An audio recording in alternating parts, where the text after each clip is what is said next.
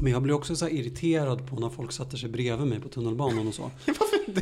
Det, går ju verkligen att undvika. Eh, ja, alltså det går ju verkligen att undvika. Men det är också så här, jag, vet, jag vet inte, jag blir så irriterad på mig själv också. Att jag blir irriterad på det. Att det är så här, just på grund av att det går att undvika så tycker jag att så här, då borde alla hela tiden tänka på att göra det. Men jag menar, vi åker ju tunnelbana tillsammans. Alltså, det är så här, Det är redan förkört. Liksom. Ja, men hade vi stått bredvid varandra så hade jag inte ens reflekterat över det. Utan det är just det här grejen med att, jag tror att det handlar om att jag vill sitta själv. jag vill ha mitt space. Ja, men så här, du och alla andra på tunnelbanan. Förutom så här, två packade freaks. Liksom. Ja men precis, det här har varit liksom min dröm och gått i upplevelse. Alltid har man en ledig fyra som är bara din. Liksom. Det står så här Rasmus. Rasmus. Den bara blänker, helt nyvaxad. De här fula Lasse Åberg-tygerna är helt fräscha liksom. Det står en så här, vad heter det? Färd tjofräs i väst och bara så här pekar bara här. Precis, en butler i skyddsmask. Ehm, Selecta kaffe. Åh, italienska tåg. Åh, Åh, Nespresso, espresso liksom på i handen. Så vidrigt. Åh, från, från någon på en, i en väst.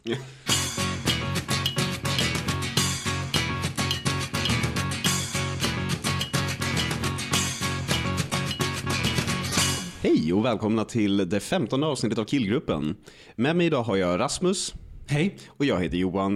Eh, Christian har, är tyvärr lite under väder för att han har haft en nackdel här i, i livet. Han har tänder. Och de gör ont. De sitter inte ihop med hans kropp. Nej, Ehm, och därför är det ett stort problem. de gör lite som de vill. Ja. Och det går ut över vår kära poddkollega. Ja. Mm.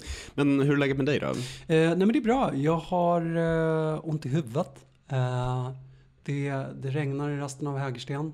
Eh, det här är kanske inte Hägersten. Det här är verkligen inte Hägersten. Det här är verkligen inte Hägersten. Det här är nästan Botkyrka. Det här är nästan Botkyrka. Ehm, men, men här skiner solen som alltid. Det är alltid fint väder här. Ja, fast det regnade för inte alls länge sedan. Ja, ah, okej. Men det är kanske det att jag släppt och så. Men annars, så, annars är det cool. Verkligen. Hur är det med dig? Eh, Det är väl bra. Eller så här, det är som vanligt. Jag gör liksom det här och läser. Det är typ det. Hur går läsandet? Det går bra, tror jag. Som sagt, du, kom, du kommer ju med nya böcker också nu så jag bara kan fortsätta. Men annars så, ja. Ja, det är inte, vad har du gjort sen sist? Jag ehm, har haft en vecka full av utskällningar. Ehm, jag har t- tänkt liksom på, jag, vill, jag ville prata om någonting annat än corona idag. Eh, men, eh, men det är ganska svårt. Eh, ditt råd till mig var att jag skulle bara gå ut och skapa box. Ja. Fixa lite tjafs liksom så. Spöa lite folk. Men, eh, men inte ens det fixar jag utan att få tjafset att handla om corona egentligen. Jag har, eh, tror jag för en av de första gångerna i mitt liv, skällt ut en person som är bortom min innersta krets. Liksom. För jag är verkligen inte konflikträdd överhuvudtaget. Men, men jag, eh, jag för mig att vi har pratat om det i någon tidigare prat också. Att det, jag behöver en viss trygghet för att jag ska släppa på den, eh, på den spärren. Jag skäller väldigt sällan ut folk på, på jobbet. Om jag inte skulle bli utskälld själv. För då känner jag att då har någon annan tagit första steget. Liksom. Ja, men då har de kastat handsken liksom. Eh, men eh, ja, personliga påhopp, det är väl kanske där som min gräns går. eh, jag har... Nej men jag, jag ska förmodligen opereras. Eh, inget farligt. När jag var 10 bast så sprang jag in i en stolpe och bröt Ja. näsbenet. Eh, de ska in och, och knacka loss någon jävla pryl i, i näsan på mig. Mm. Eh, men i och med hela coronagrejen så är det någonting som såklart, såklart eh, skjuts upp. Vilket är, alltså det är ingen stress, jag har levt med det här i tio år. Liksom, Så att jag, har ingen, har ingen, jag tycker inte att det är något jobbit. Men så istället för det läkarbesök jag skulle haft i, i onsdags så, eh, så ringde en läkare mig. Eh, och när eh, han ringde så tog det två sekunder innan han sa Men du, eh, alltså det verkar inte som att du har sådana stora problem. Jag tänker att vi stryker det här va? Jag bara, "N- nej. nej. Nej.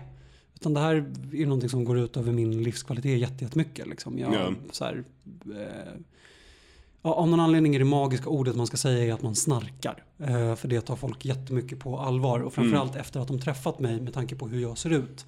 Den här doktorn har ju inte träffat mig och har inte heller läst min journal. Han vet inte att du inte är överviktig så hans, första fråga, så hans första fråga var mm, eh, Hur överviktig är du? och jag tappade. Att en person som aldrig har träffat mig ens kunde tänka tanken. Du låter fet. Att jag var tjock och tyckte jag lät lite fet på rösten. Gjorde mig fullständigt tokig. Jag blev så jävla arg. Eh, nu visade det sig sen också att han var ett jävla as för att sen så sa han också mm, ja nej och du röker ju förstås. Eh, Jag älskar den där läkaren. Kan jag få, vart är, han i mina krokar? Ehm, Globen. Faktiskt någon jävla privat tjoflöjt. Jag vet inte. Jag har glömt bort vad det var. En näsläkare. Någon jävla nässnubbe. Ehm, och nej men så att jag alltså efter noter satte igång och liksom skälla ut honom. Liksom. ehm, googlade snabbt upp min egen journal för att liksom sätta honom på plats. Ja. Och för att försöka bevisa att han liksom, alltså, um, så att det hände. Jag har också haft en, en eh, aggressiv eh, diskussion med en hantverkare. Eh, kan man ha att, andra diskussioner med dem? Nej, det, det, är nog faktiskt med bara det att det kanske är den första, det är nog den första konversationen jag har med en hantverkare tror jag. Mm. Eventuellt. Eh, och inte ens med en hantverkare utan någon som sköter administrationen för en hantverkare. Som jag inte har velat eh, boka för att jag tycker att det kostar för mycket pengar. Mm. Det är ett jävla gångjärn som har gått sönder i min ugn. Jag tänkte att jag löser det genom att köpa ett nytt gångjärn. Men gångjärnet kom liksom ihopvikt och utan eh, instruktioner om hur man, alltså förmodligen är det väl bara att man ska trycka in en penna på rätt ställe. Liksom. Mm. Eh, men så jag mejlade dem och bad om en bruksanvisning bara. Mm. Eh, och då sa de, mm, nej då får du faktiskt beställa service vilket kostar 3000. Det kostar 2,5 för att köpa en ny ugn. Eh, så då tyckte jag att det och det är också med rutavdrag. Ja. Jag har ingen aning om hur man tar rutavdrag.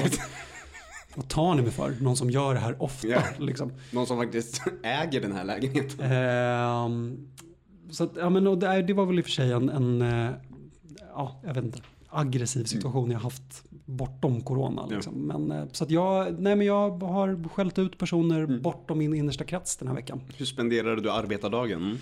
Eh, jag spenderade arbetardagen bakfull. Mm. Eh, sängliggandes.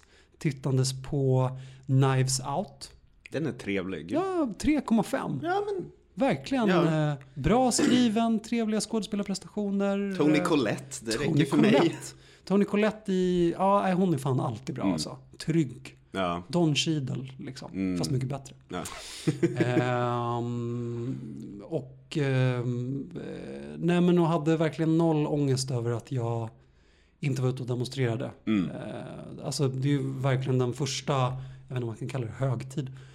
Men de, den grejen som jag är, är ledsnast över att det har ställts in. Mm. att det är den jag, ja, jag träffar personer jag tycker om på verkligen eh, som jag inte brukar träffa annars. Mm. Och eh, man känner ju att man ägnar sig åt någonting som är, som är bra. Liksom. Ja.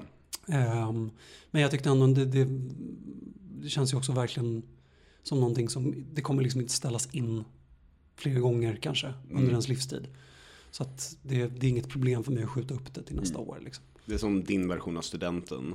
Ja men någonstans är det ju ändå någonting som man firar hela tiden på mm. något sätt. Liksom. Eller som man borde fira hela tiden. um, så att det, ja jag vet inte. Vad, hur, hur firade du arbetardagen? Uh, ja hur firade jag arbetardagen? Jag tittade på Hidden Figures på kvällen. Mm. Och gjorde någon form av satéspett med jordnötssås. Gott. Mm. Så dagen innan hade vi gjort Eh, hade vi med våra då grannar slash eh, gamla vänner då en eh, valborgsmiddag där vi gjorde egna baobuns. Mm, gott. Ja men det var trevligt också. Dock så här, otroligt knäppt bröd. Det är ångat eller? Ja. Aha. För att degen är, det, du vet hur rinnig en surdegsdeg kan vara. Mm. Det här var typ värre. Mm. och så ska man så här forma dem till typ rektangler innan man viker dem. Uh, och det så går typ inte för man får inte något grepp om den även om man har så oljat fingrarna. Det var... Men till slut fick vi ner dem i den där steamern och mm. uh, det blev ja, helt okej för första försök ju. Jag kommer ihåg ehm, eh, den värsta sommaren. Eh, sommaren 2012. Mm. Eh, när vi precis hade eh, inom stora, feta, floppiga kaninöron tagit studenten. Ehm, För andra gången. för andra gången. Tredje. Eh, en och en hälfte, jag vet inte. Ja. Det var någon räkning jag inte hade betalat så att jag blev struken från alla kurser sen också. Vilket jag inte fattade. Det var på typ 150 spänn. Jag hade inte råd att betala den. Nej. Så illa var den sommaren. Eh, men då kommer jag ihåg att jag bodde i eh, någon konstig lägenhet någonstans. Och hade ett nummer av White Guide. När jag för första gången introducerades till sådana här baobands då. I textform. Eh, och det var någonting med den här beskrivningen av ett ångat bröd. Alltså jag, lev, jag hade ju inte råd att äta. Men jag levde på de här baobandsen i textform i flera dagar. På hur goda jag tänkte att de var. Vilket gjorde att jag sen när jag väl hade råd att äta dem tre år senare. Jag blev mycket besviken. Alltså det är väl ganska gott. Men, Det är innehållet som räknas. Ja. Vi gjorde någon form av så här, äh, jättemarinerad, hårt grillad tofu och äh, halstrad äh, tonfiskfilé. oj, det låter svingott. Det var jävligt gott och sen också de, slängde en av de som var med ihop en rätt så här, trevlig dressing till fisken. Ja, men det var bra valborgsmiddag. Gud vad gott. Det är ju inte en sån här sill och prinskorvshögtid. Liksom. Jag vet inte, finns det någonting som är liksom så här valborgsmat? Eh, nej, och det, jag vet inte, bagaget från påsken ligger ju kvar också. Eh, man är ju som lite trött på allt. Är det bara att man ska vara full liksom? Det är Men- som är högtiden. Är det, eh, är det, jag- jag har så jävla dålig koll på sånt, men är det inte att det är mycket primörer och sånt där som kommer nu? Så att man Ja. ofta äter ganska mycket grönsaker. Eh, Men jag tror inte att det finns någon sån tradition. Nej. Det är mycket eld och man är ganska mycket ute, så det är väl att man Mm. grillar kanske. Man åker till skärgårdsöar och visar kuken för medarbetare och sånt där. Eh, precis, Mm. precis. Och det är inte en maträtt. Eller? Mm. eh, men jag var inte på något eh, digitalt första maj-tåg i alla fall. Nej, åh Va- gud. Var du det? Nej, det var jag inte. Jag, jag såg så här bilder från cringiga vänsterpersoner som bara nu går vi och åh gud. Nej, jag, jag, ja, nej, jag Snälla vet ta inte. mitt liv bara. Det här är varför jag inte går ut och säger att jag spelar spel. För jag förknippas med den här sortens människor. Det kombineras på något sätt mina två värsta saker, det vill säga eh, online-rollspel och digitala lösningar. Eh, Och cringe. och cringe, verkligen. Eh, Jag var också livrädd för att någon skulle begå ett digitalt terrordåd och spränga sig och Jonas Sjöstedt i luften i World of Warcraft. Att Muff äntligen slår slag i saken. Det hade varit så jävla töntigt. Jag hade inte klarat av det. Man hade inte kunnat komma tillbaka från det liksom när Jonas Sjöstedt respawnade och kom springandes tillbaka. Liksom. Jag var ju tvungen att bli moderater, eller ännu värre, sossar. Ja, för fan. För fan, för fan. Nej, gud. Det, eh, det, det känns ändå som att sossarna är för sossiga för att komma på någon sån här osossig liksom, lösning. Ja, Eh, det, det ska de ha, sossarna. Det, de är alldeles för ocoola. Ja, nej, men det är, ja, åh fy fan, byråkrati är härligt Ja. ibland. Usch, usch, usch. usch. Usch.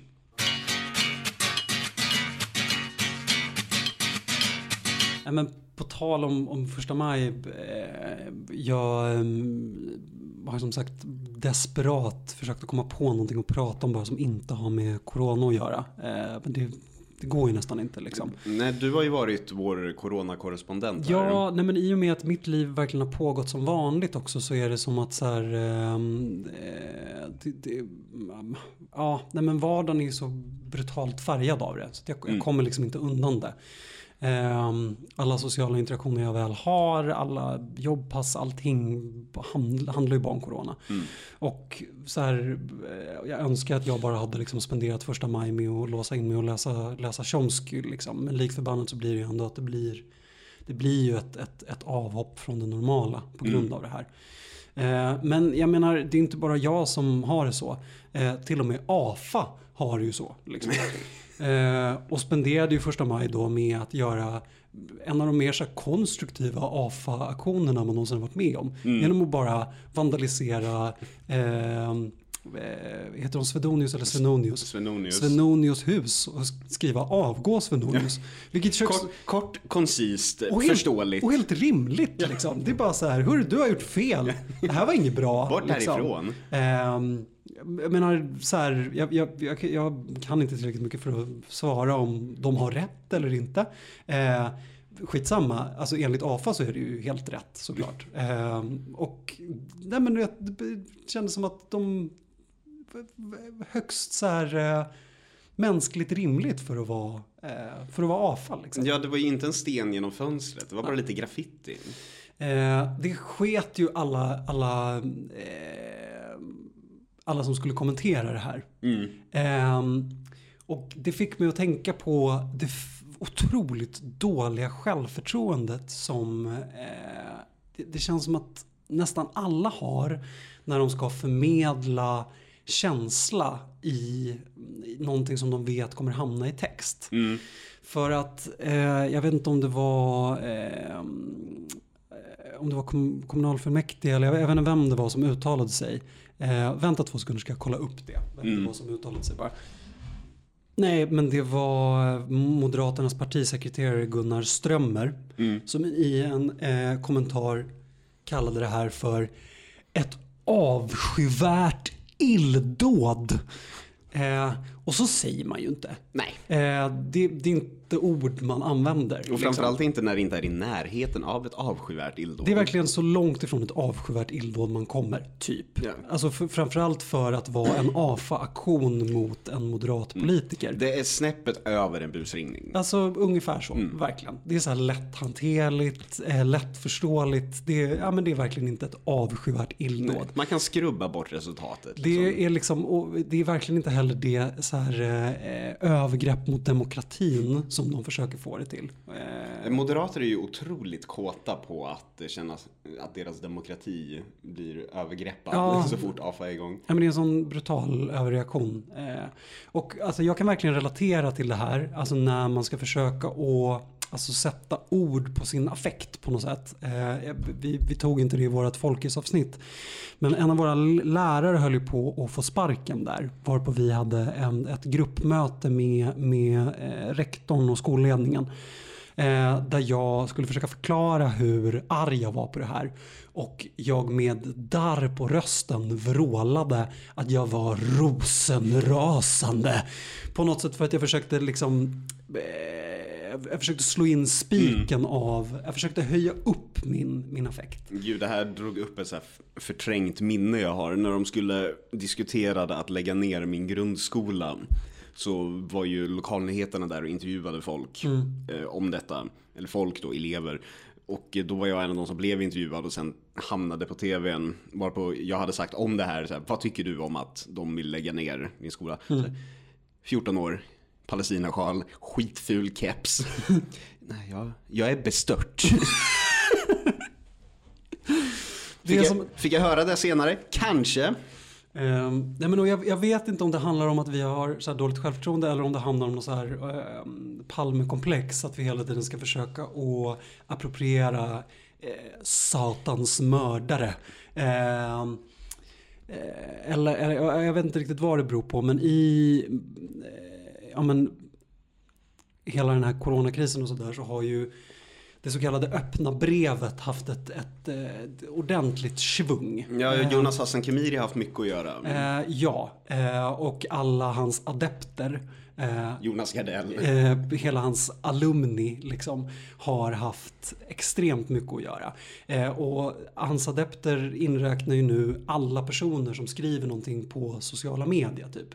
Öppna eh, brevlinjen på biskop Arne. Ja men precis, att det är liksom det så sättet som vi på grund av de sociala medierna just nu kommunicerar med varandra när vi ska slänga ut någonting. Eh, och jag, jag, jag tycker också att det är svårt att undvika klichéer när man ska försöka förmedla något sånt där. När jag höll på att försöka samla in pengar till vårt projekt i Afrika och sådär så hade jag också otroligt svårt att undvika att skriva saker som ja, men när man ska mm, hålla på och poängtera det här specifika projektets storlek eller storhet och liksom den känslomässiga bottnen som, som allting vilar på och sådär. Eh, och det blir ju väldigt lätt eh, klichéfyllt för att man vill liksom injicera alla begreppen man har med en massa feeling hela tiden. Nej, men det är att man hela tiden ska, man, oavsett vad man skriver så är man hela tiden i modet att man ska skriva copy. Ja men precis. så Man ska sälja någonting och det är antingen sig själv eller en grej. Man litar inte riktigt på det. Och jag antar att det är på grund av att det är väldigt mycket personer som inte riktigt kan det här och att det är det som förmedlas på, alltså på sociala medier. Alla eh, ja, men det är väl- väldigt vanligt i alla vittnesmål som ges liksom, om, eh, från sjukvården och sånt där. Som jag, jag klarar inte av att läsa dem för att de är så e- extremt pompösa. De låter inte som riktiga människor. Nej men det är liksom inte riktiga män eller det är riktiga människor som skriver dem men de skriver inte som riktiga människor. Det är inte riktiga vittnesmål. Vi litar inte riktigt på det. Eh, och det tar hela tiden, eh, alltså det tar nerven ur för mig. Det höjer upp den här realismen. Eh, och hela vittnesmålet blir därför otroligt svårt att, att tro på. Eh, Så att jag tror verkligen att det är någonting som man måste försöka att vara lite mer försiktig med. Om det här är någonting som vi ska ägna oss åt som privatpersoner.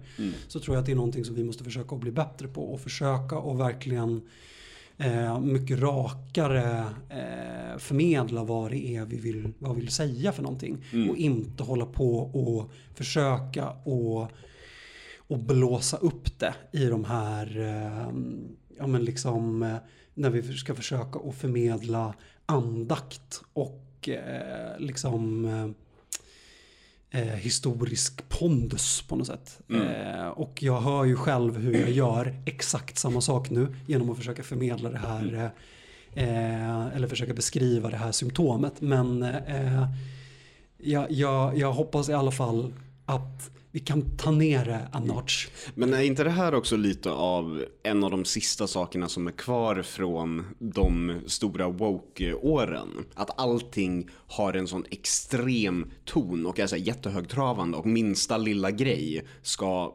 beskrivas som något extremt och enormt. Alltså jag tror att det här har blivit ett, eh, alltså, mm, jag, jag tror att det är för att personer som kanske tidigare inte hade skrivit debattartiklar skriver väldigt mycket debattartiklar. Alltså Mia Skäringer använder sig av den här typen av dramaturgi i, Ja. i texter. Och jag menar det finns jätteskickliga eh, journalister och sådär som också använder sig av den här typen av, eh, av dramaturgi. Eh, väldigt vanligt inom sportjournalistik. Erik Niva eh, har väl byggt hela sin karriär på den här typen av, av eh, av liksom, um, gud vad det här blir otroligt svårt att beskriva i, i ord, men han, liksom, han, ehm, han slänger ut trådar som han sen fångar upp på slutet. Liksom. Eh, och, och det blir väldigt lätt att göra med den här typen av, av uppblåsta begrepp hela tiden. Ja. Eh, och det, i och med att sociala medier har gett oss privatpersoner chansen att också bli eh, debattörer på ett sätt. Både på Twitter och kanske framförallt på Facebook där det är lättare att skriva långa inlägg som också eh, möts av, eh, alltså där vi ju skriver till dem i vår närmaste krets, vilket ökar delbarhet och sådär. ja, det kan nå ut till fler på Facebook. Precis. Ehm, och också till en mer, eh, alltså ganska mycket mer riktad crowd tror jag. Alltså för att Facebook är ju fortfarande så att man till stor del är vänner med sina faktiska vänner typ. Mm. Det var ju där i början som folk bara blev klickade på ad på Mm. vem som helst. Konstigt. Jag förstod inte varför folk gjorde så. Så himla desperat. så jag tror att det är någonting som vi behöver bli immuna mot. Alltså vi måste som, som privatpersoner bli immuna mot den här typen av eh, av billig dramaturgiska, billiga dramaturgiska medel. Eh, för att liksom på något sätt kunna urskilja vad det är som är viktigt eller inte. För det enda som händer är ju att alla begreppen blir helt ur, urvattnade. Eh, för att jag tänker att de flesta vet ju att det här inte var ett avskyvärt illdåd. Eh, så att eh, man får försöka vara försiktig så att inte svenska språket bara blir helt jävla urvattnat. Tänk om det visar sig att du var Svenonius barnbarn. Jag hoppas att Svenonius barnbarn är med i AFA. Där har vi det.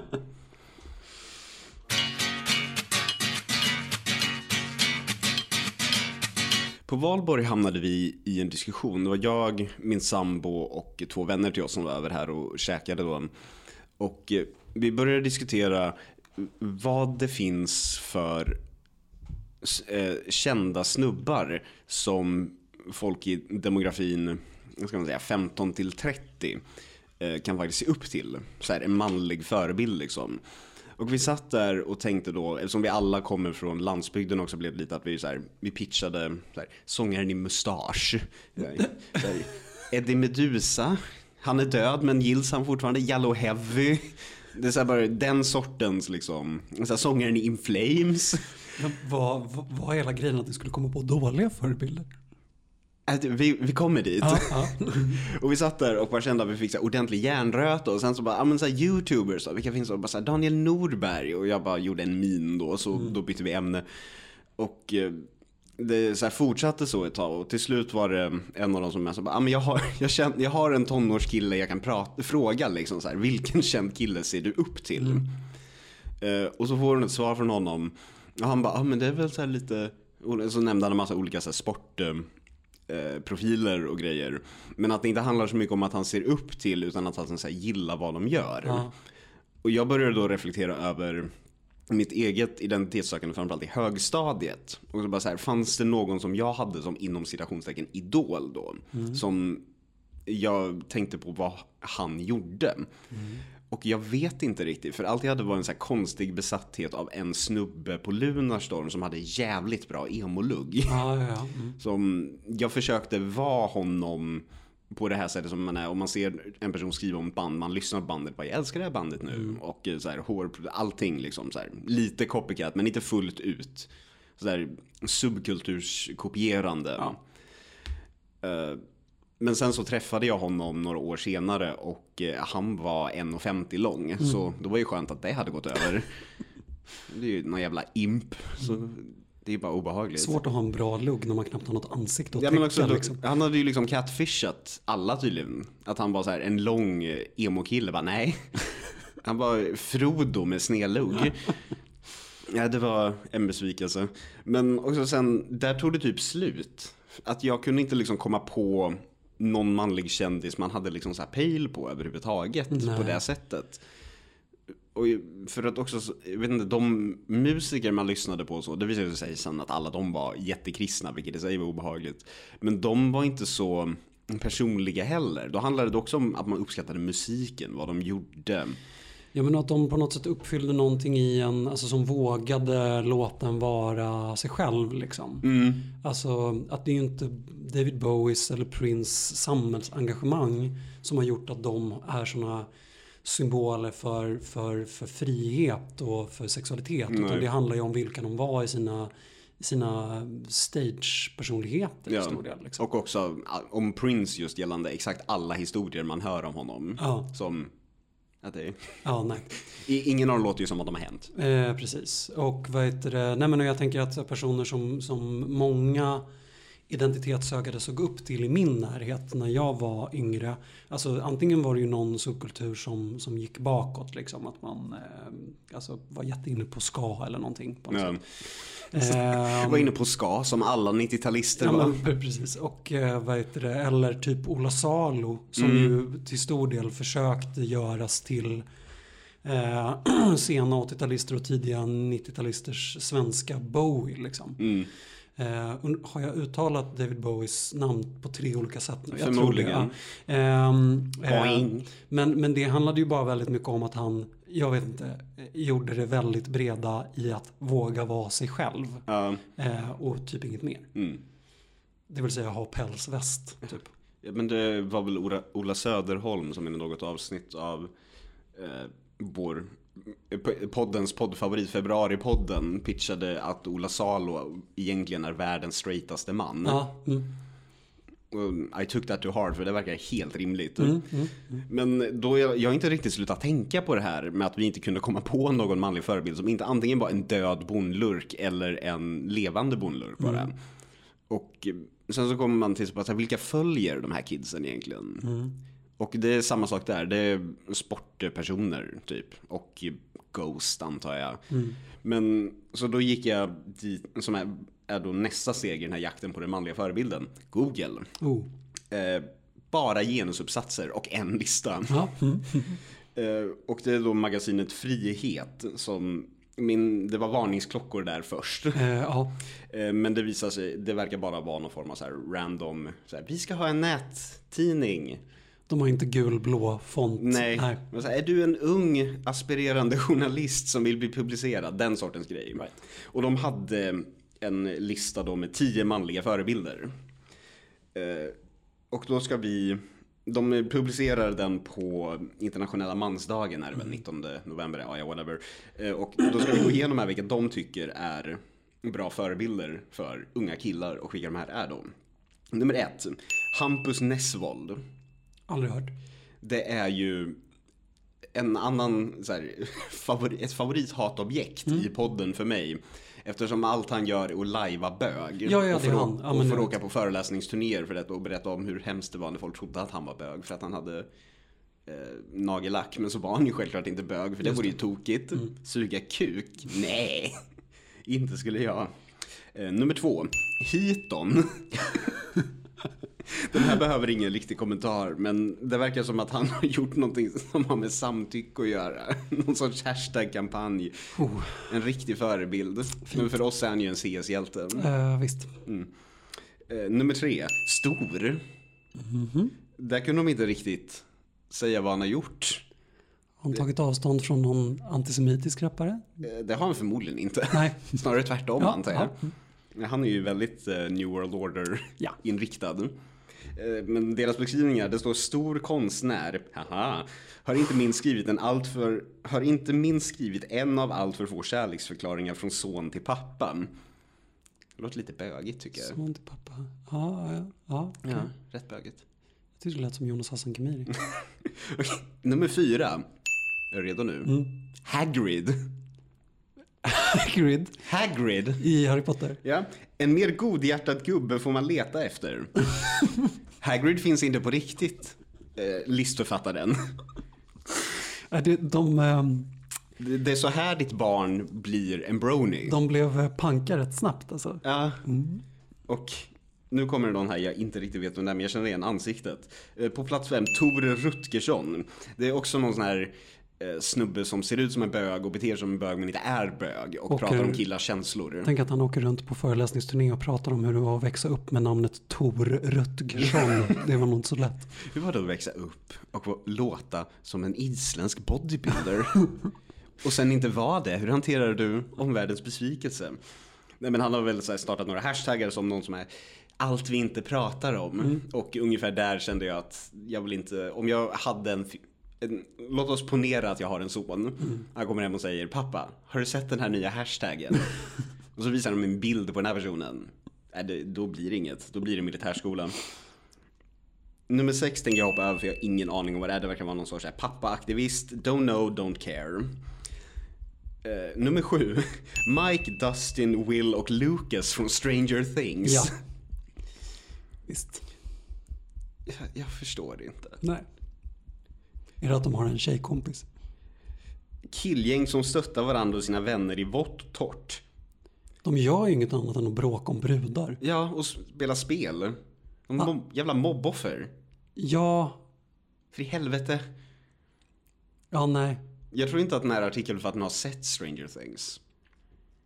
Eller så kom, försökte han bara komma på killar. Ja, killar eller ba- barn. For a dollar, name a man. Är det så ovanligt att, att småkillar är kompis med andra småkillar liksom? Låter lite bögigt. Jag tycker det låter lite som småkillar. Okej, nummer åtta. Man hör inte en eye roll, tyvärr. Eh, Anton Hussein. Men det, han är, det är ändå det hittills mest rimliga. Det är rimligt, men Alltså det är för jävligt, det är för jävligt. Det är som att de skulle ha Anton Abel med på listan. Men, men det är ändå, det här är ändå en verklig person. eh, jag, jag tror dock nästan att därför avsnittsomslaget får leta fram bilden på honom i brownface jag har på min telefon. Right, jag tycker du ska ta PS1-versionen av Hagrid. Eh, nummer nio. Starka, starka manliga förebilder som Hagrid. Vad fan. Okej, nummer nio. Är det att han är ensam? Jag kan inte släppa det här. Vad fan är det med Hagrid? Han är någon sån här toksnubbe liksom som är helt, som är helt inkompetent, får liksom elever skadade genom att utsätta dem för jättefarliga ljud. Han är ju bara en himbo. Han är liksom så här, han är, vadå, ett hjärta av guld kanske? Ja. Det är klart han har, han är enorm. Det hade jag kunnat berätta. Ja, han blir så här religerad och... Nej, men vad fan. En jättespindel på rummet liksom. Som försöker döda Harry Potter. Samla på drakar och... Det här är inte en bra förebild. Nej. Liksom, jag vet inte vad motsvarigheten är om han hade varit på riktigt. Men, Våra ungar får fan inte läsa Harry Potter. alltså de får göra det men då måste jag klargöra att Hagrid är inte en jättebra manlig förebild. Den enda de får se upp till är Snape. Ja, kanske. Ja. Kanske. Han är åtminstone sassy. Okej, nummer nio. Och nu har den här artikelförfattaren verkligen fått slut på män. Martin D. Ginsburg, alltså Ruth Bader Ginsburgs make. Mm, Okej. Han är med för att han alltid är stöttande och lät sin fru flyga fritt. Ah, Eftersom de är 300 år gamla så var det alltså, han får vara med för att han inte slog henne. Snällt, bra var- förebild. Fan vad gulligt. Och nummer 10 då är ett, jag tror det är en YouTube-kanal. Den heter Locker Room Talk, som är precis det värsta jag Ehm, vet. Nej, men det håller vi på med lite på ungdomsmottagningen också. Ehm, alltså det är ju för att försöka att alltså fånga upp eh, psykisk ohälsa och sådär i ehm, eh, med liksom idrottsföreningarna på något sätt som bas. Ja, Eller, ehm, eller det vi har försökt att göra är att använda att använda idrottsföreningarna som bas för att på något sätt prata om psykisk ohälsa. Liksom. Och jag tror att det de pratar om är psykisk ohälsa inom idrotten. Ungefär. Eh, men vi innan corona så var vi på väg att, ha ett samarbete lite med dem. Eh, Eh, Vad jag har förstått så är det heterokillar som pratar om känslor och eh, redan där så går min halvmass ner liksom. Alltså det är ju i regel mer typ alltså backa grejen. Alltså att någon eh, typ John Guidetti ska ha bakvänd keps och säga sådana där pompösa begrepp som jag Ja, alltså att man bara Alla tillsammans. man artikulerar hashtags. Men det är ju alltid så också fotbollsdudes pratar i reklamfilmer. Jo, de precis. kan inte säga hela meningar, de kan bara prata i hashtags. Men det går ju verkligen in på det jag pratade om tidigare med vad heter det, alltså, eh, att det är personer som egentligen kanske inte borde föra andra personers talan som för andra personers talan. Ja, man vill ju inte lyssna på folk som spelar i all- allsvenskan, man vill se dem spela fotboll. Ja, verkligen. verkligen. Nej, och det var ju då den listan från Frihet och den var inte direkt upplysande på något annat sätt än att det faktiskt inte finns några manliga förebilder. Men alltså, nej. Och, alltså, jag, eh, det, det fick mig verkligen att tänka det du sa tidigare om så här, vilka manliga förebilder man hade när man var yngre och sådär. Och svaret var ju att man var helt ointresserad av det. Alltså, jag behövde ju folk som på något sätt enablade mig.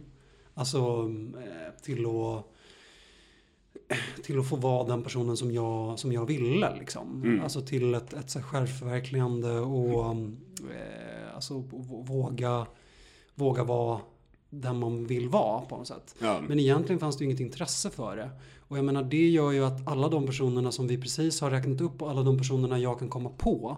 Eh, det är ju personer som har använt sig av att vara förebilder för att liksom kapitalisera. Eh, och för att göra en grej av sitt egen... Det är, det är väldigt mycket att de blir manliga förebilder baserat på hur de förhåller sig till kvinnliga förebilder. Och vad kvinnliga förebilder säger om dem. Ja, det är väl egentligen hela det komplexet som alla så här aktivistmän online lider av. Ja. Allting det handlar egentligen inte så mycket om vad de själva tycker och tänker och gör. Utan det handlar om hur de förhåller sig till hur, eh, vad ska, vem ska vi säga, typ Stina Wolter tycker och tänker och gör.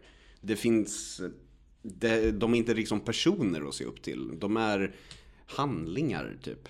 Grejer, skal för andras projiceringar. Ja, precis. Ja. Nej men alltså, det är ju en, det är, en sån jävla svår grupp att nå. Ja, Unga killar. det var därför vi hamnade i den diskussionen Ja, också men till att börja med. Också på grund av att de är liksom, alltså de har ju skitmycket problem just nu. Men de är ju också så, alltså de är ju inte lika utsatta som unga tjejer är. Nej. Vilket gör att det inte riktigt finns något så här, alltså eh, det har inte tidigare funnits egentligen något behov heller av att, av att nå dem. Mm. Eh, för de har liksom till stor del, har man tyckt, klarat sig själva. För att de inte, ja men de- är helt enkelt inte riktigt lika utsatta liksom. Eh, Men nu känns det också som att den gruppen som är utsatta, den är så extremt svår att nå. Så incelsen till exempel. Mm. Alltså det går ju liksom inte att nå dem med Jonas Hassan Khemiri. Nej. Eh, och det går inte att nå dem med Anton Hysén heller. Så De går är- inte att tala till rätta liksom. Så Nej, säga. så frågan är om, alltså, om det är Hiton och John Guidetti eh, som är de, liksom, de absolut bästa, alltså att det är dit som samhället på något sätt har lutat. Vi måste använda oss av de här typen av artikulerade hashtags från personer som, som de automatiskt ser upp till redan från början för att kunna nå dem överhuvudtaget. För intresset av att bli nådd för de här killarna finns ju inte överhuvudtaget. Men det blir väl också lite till viss del att när man i- inom citationstecken ser upp till en sportstjärna eller något, det blir ju lite av någon form av så bara avgudadyrkan på något vis. För man, då kanske vill man vara som den, men man vill vara som eh, vad den gör inom sporten. Det är inte liksom uppnåeligt på något sätt. Nej men precis och det blir också hela, för, för att man ska kunna använda en rockstjärna som en, som en förebild på något sätt. Så måste du applicera de attributen som rockstjärnan står för på ditt eget liv. Och det är ju inte intellektuella grejer, Eh, alltså det är det väl också på någon slags upphöjd nivå. Men framförallt så handlar det ju bara om alltså, mod att våga vara sig själv. Liksom. Eh, men, men i det så finns det liksom kanske inte riktigt någonting att förändra. Liksom. Även om det kanske finns exempel på personer som har slutat vara homofobiska för att de tycker så mycket om Bowie. Liksom. Men de vill jag hellre höra historier från i sådana fall. För nu ska det ju vara att folk ska vara perfekta från första början på något vis också. Mm, och prata om sitt eget lidande för de andra personerna. Liksom. Det, var med, det har kommit en ny HBO-serie med några RuPaul's Drag Race-drottningar, We're Here, där de åker omkring i eh, olika hillbilly-orter och typ, ja men ger folk, sätter igång en dragshow och har så ja men Queer Eye, den sortens program. Och då var det i senaste avsnittet en, eh, faktiskt en så här recovering homophobe. De bara, You're, go- we're gonna put you in drag. Och det var inte så jobbigt som man kan tro, men också, det var lite mer av en intressant historia på det sättet. Att faktiskt ha ändrat åsikt. Att man, han föddes inte perfekt och öppen, utan det var svårt att inse att människor är olika på något vis. Och sen då tucking, självklart. Eh, Detta ständiga trauma i den här formen av programs innehåll. Så vi har alltså landat i att årets manliga förebild är Big Brother Sammy. Jag stöttar detta.